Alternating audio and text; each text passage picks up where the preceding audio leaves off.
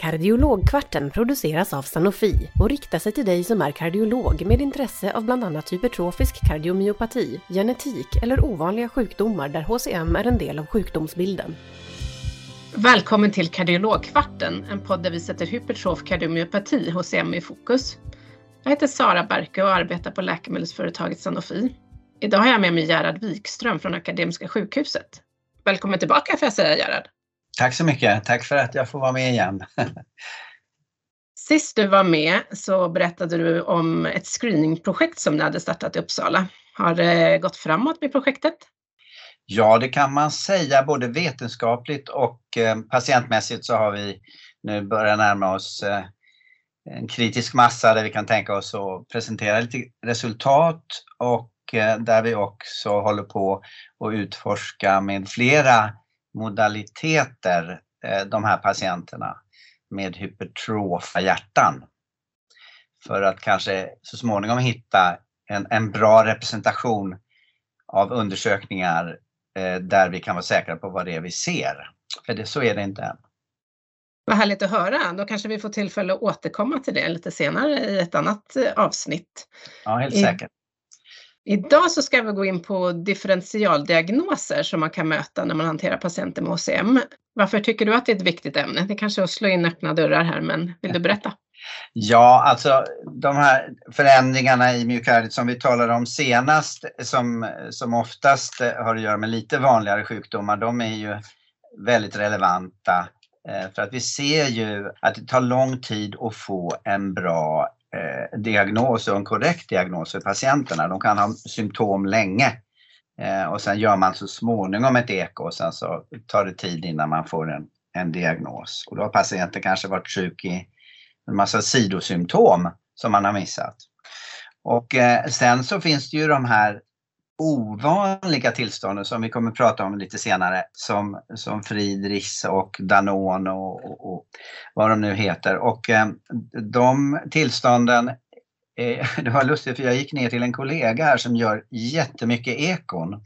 De tillstånden är ju ovanliga och vi hade en lång diskussion om hur många man har sett och och hur ofta man upptäcker det. Och jag pratade även med våran kollega som är speciellt intresserad av medfödda hjärtfel om hur många hon såg och så vidare. Så att de här, det här är ovanligt men man måste ändå ha det i bakhuvudet liksom, för att kunna ha en bra diagnos.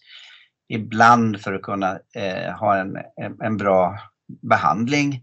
Och för flera av de här tillstånden finns det ju internationella och nationella eh, förslag till behandlingslinjer som kan vara meningsfullt och bra för patienten. Så att av det skälet finns det också anledning att fråga sig vad det är man ser när man ser hypertrofi.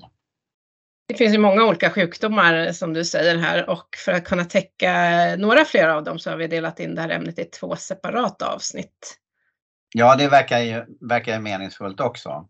Eh, det, det vanligaste är ju det vanligaste och det ska man kanske lägga mest tyngd vid. Men, men för den som är diagnostiker så behöver han kanske hjälpa eh, klinikerna med vad det, vad det kan vara för någonting man ser. Och till vår stora glädje så har vi nu här i Uppsala en kardiolog som gör MR och, och eko och som är väldigt, väldigt självständig och han är en otrolig hjälp för han kör våra MR-undersökningar på hjärtat. Så det är en väldig styrka att ha en så kunnig person på, i en sån position. I det här avsnittet så kommer vi fokusera på HCM som förekommer som ett delfenomen vid andra symptom och sen vid ett, eh, nästa avsnitt så kommer fokus ligga på metabola inlagringssjukdomar. Eh, men först vill jag också fråga dig, vi har diskuterat definitionen för HCM och att den är 15 mm förtjockning. Hur är den definitionen satt och bör man alltid följa den strikt?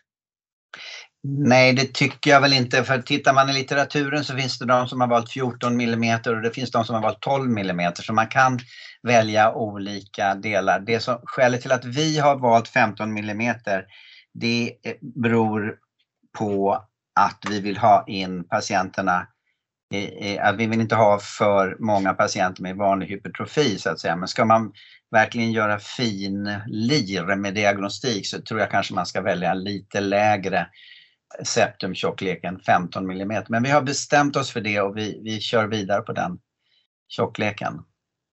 Så i det här avsnittet så fokuserar vi på HCM som förekommer som ett delfenomen och de sjukdomarna som internetmedicin nämner och du nämnde några av dem innan. Det är Friedrichs ataxi, Nonans och leopard. Men innan du går in lite mer specifikt på var en av dem så funderar jag på om det är något som är gemensamt för dem. Ja, gemensamt för dem är ju hypertrofin. Eh, en annan gemenskap är ju att de eh, har olika fenotyper och en, en tredje gemensam egenskap är ju att de debuterar i olika åldrar. Det är olika mellan män och kvinnor och eh, oftast är väl de här patienterna betydligt yngre än de som vi ser med till exempel eh, transtyretin amyloidos, den här äldre mannens sjukdom. Så att det är olika debuttid, det är olika kön och det är olika eh, presentationstyp så att säga när man hittar patienten. Det som är gemensamt för de här är ju att de av någon anledning remitteras in för en ekokardiografi och där observerar man att man har ett hypertroft hjärta och sen går man vidare ifrån det. Så att eh, den primära ekokardiografin och eh, eh observationen av, av eh, hypertrofi, det är det som är basen kan man säga för de, de här patienternas handläggning och diagnostik. Så om vi börjar gå lite närmare in på Friedrichs ataxi och du nämnde att det fanns, eh, man kunde debutera i olika åldrar och just i den så finns det ju två olika former, early onset och late onset. Mm. Kan du mm. berätta lite mer om Friedrichs ataxi? Ja, det är ju en, en, så vitt vi kan förstå så är det en mitokondriell sjukdom som drabbar my, myocyterna med energibrist och därför får eh, myocyterna en signal om hypertrofi. Och det är därför de kan debutera med eh, tjocka hjärtan så att säga.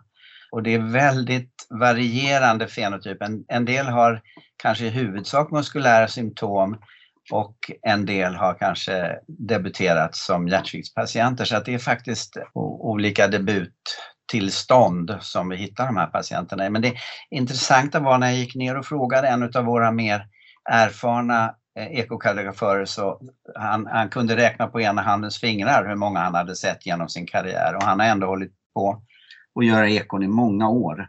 Så att det är ovanliga fåglar men man kan för den skull kanske inte glömma bort dem. Utan kommer man inte vidare i en utredning och patienten har symptom så eh, kanske man ska driva misstanken på lite ovanliga sjukdomar lite längre.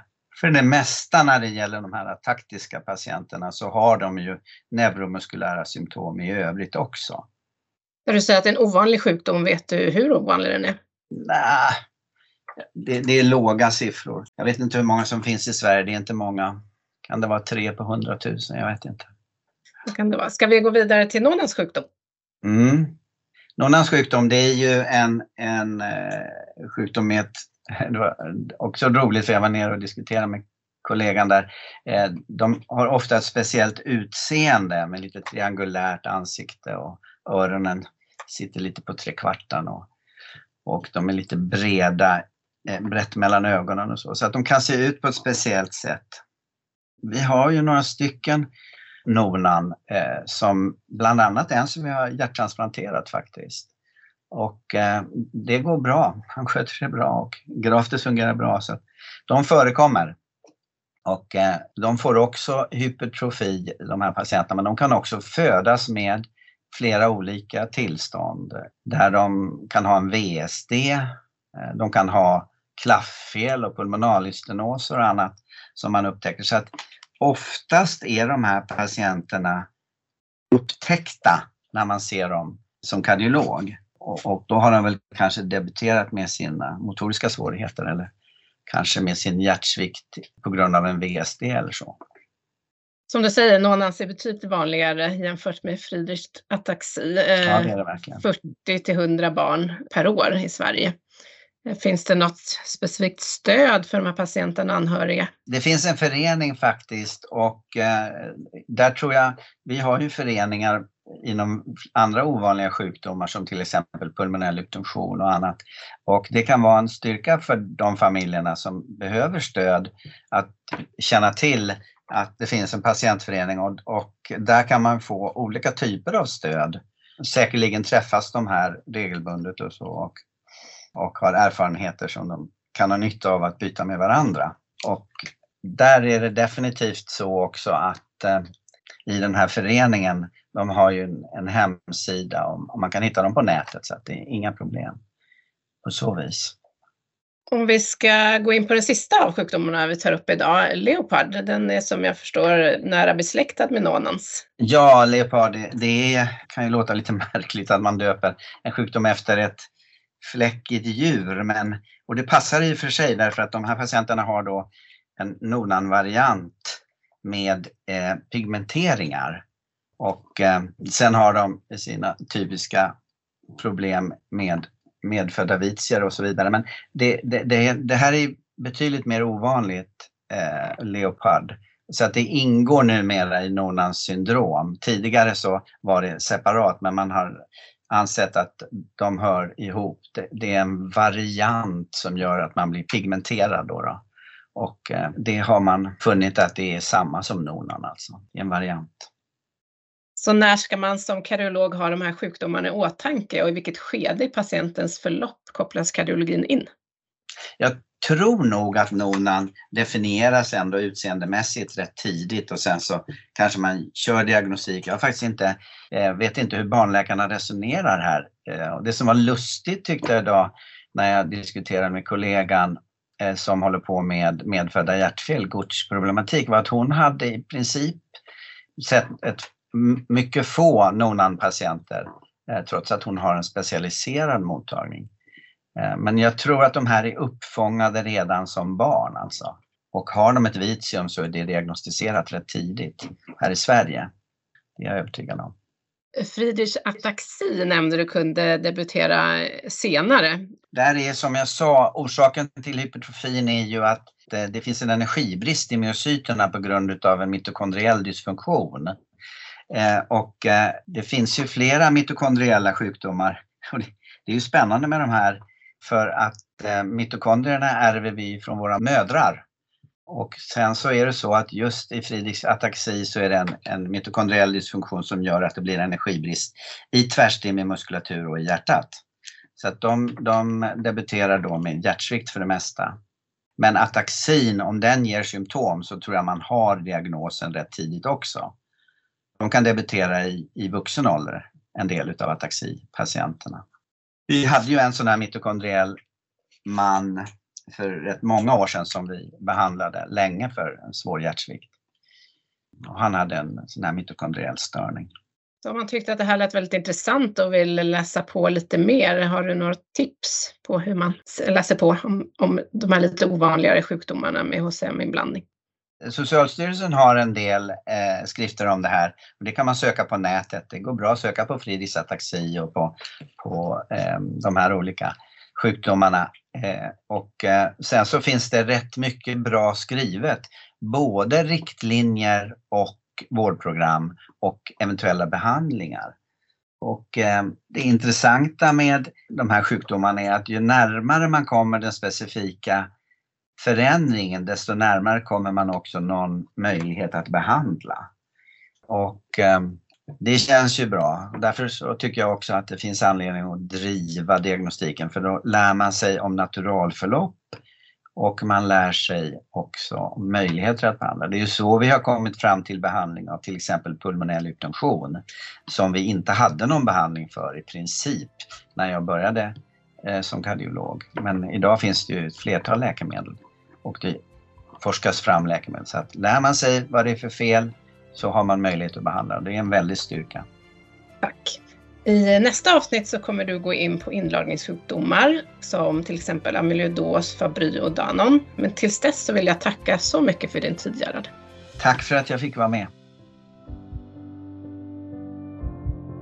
Du har lyssnat på Kardiologkvarten som produceras av Sanofi